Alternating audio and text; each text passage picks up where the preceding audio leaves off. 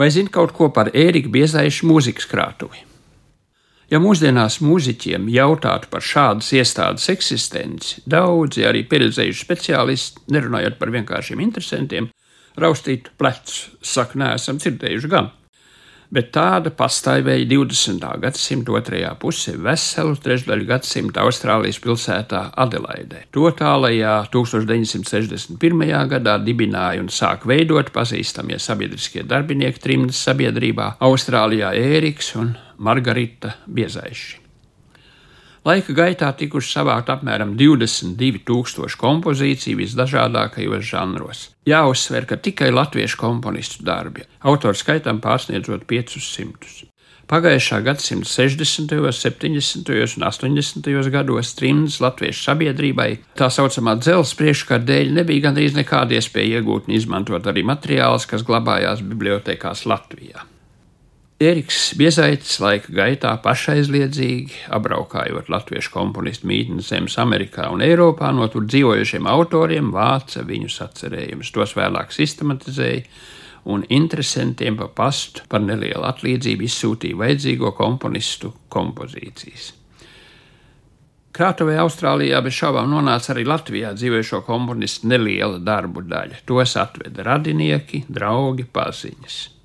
Ēriks Biezaitis mūzikas katalogu priekšvārdā ir minējis, ka ne visi krātuvē uzņemto darbu autori komponisti šī vārda īstajā nozīmē, bet arī visvienkāršākās dziesmas vai maz instrumentāli skaņdarbi ir daudzreiz noderējuši trimdas sabiedrībā, piebilstot, ka darbu patieso vērtību atsijās laiks.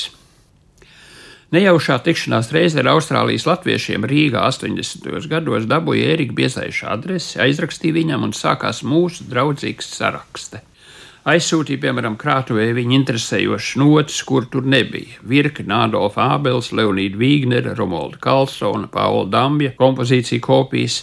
Pretī saņemot vismaz desmit reizes vairāk. Pasta sūtījumā bija četras lielas kastes ar trījus komponistu vokālās un instrumentālās mūzikas opusiem. Tolaika neatsverama bagātība. Atceros kādu mazu epizodi no saraksts ar krātuves darbiniekiem. Man ieinteresēja dažas kompozīcijas, par kuru eksistenci uzzināju no krātuves kataloga. Proti, trimdas komponista Jāņa Kalniņa darbu sarakstā bija četras oriģināla kompozīcijas ar nerātu no dainu tekstiem, kā vēlāk izrādījās vienīgais šāda žanra devums latviešu mūzikā. Pēc ilgāka laika saņēma minētos opus ar mazu piebildi. Esiet gan diskrēts pielietojumā.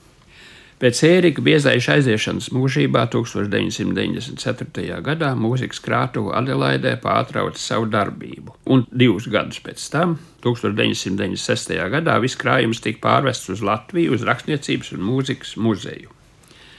Šie materiāli ir iepludināti kopējā datubāzē, kur katrai vienībai ir piebilde no biezaiša mūzikas krātuves. Manuprāt, lielākā vērtība ir tie trimdas latviešu komponistu darbi, kuri nav atrodami citās publiskajās mūzikas krātuvēs Latvijā, Latvijas Nacionālajā bibliotekā un Jāzefīto Latvijas Mūzikas akadēmijas bibliotekas nošu nodaļā. Ja kāds grib iepazīties kaut vai ar Jāņa Kalniņa komponētajiem un manis pieminētajiem nerāt no dainu paraugiem, jādodas uz rakstniecības un mūzikas muzeju laipni lūgti.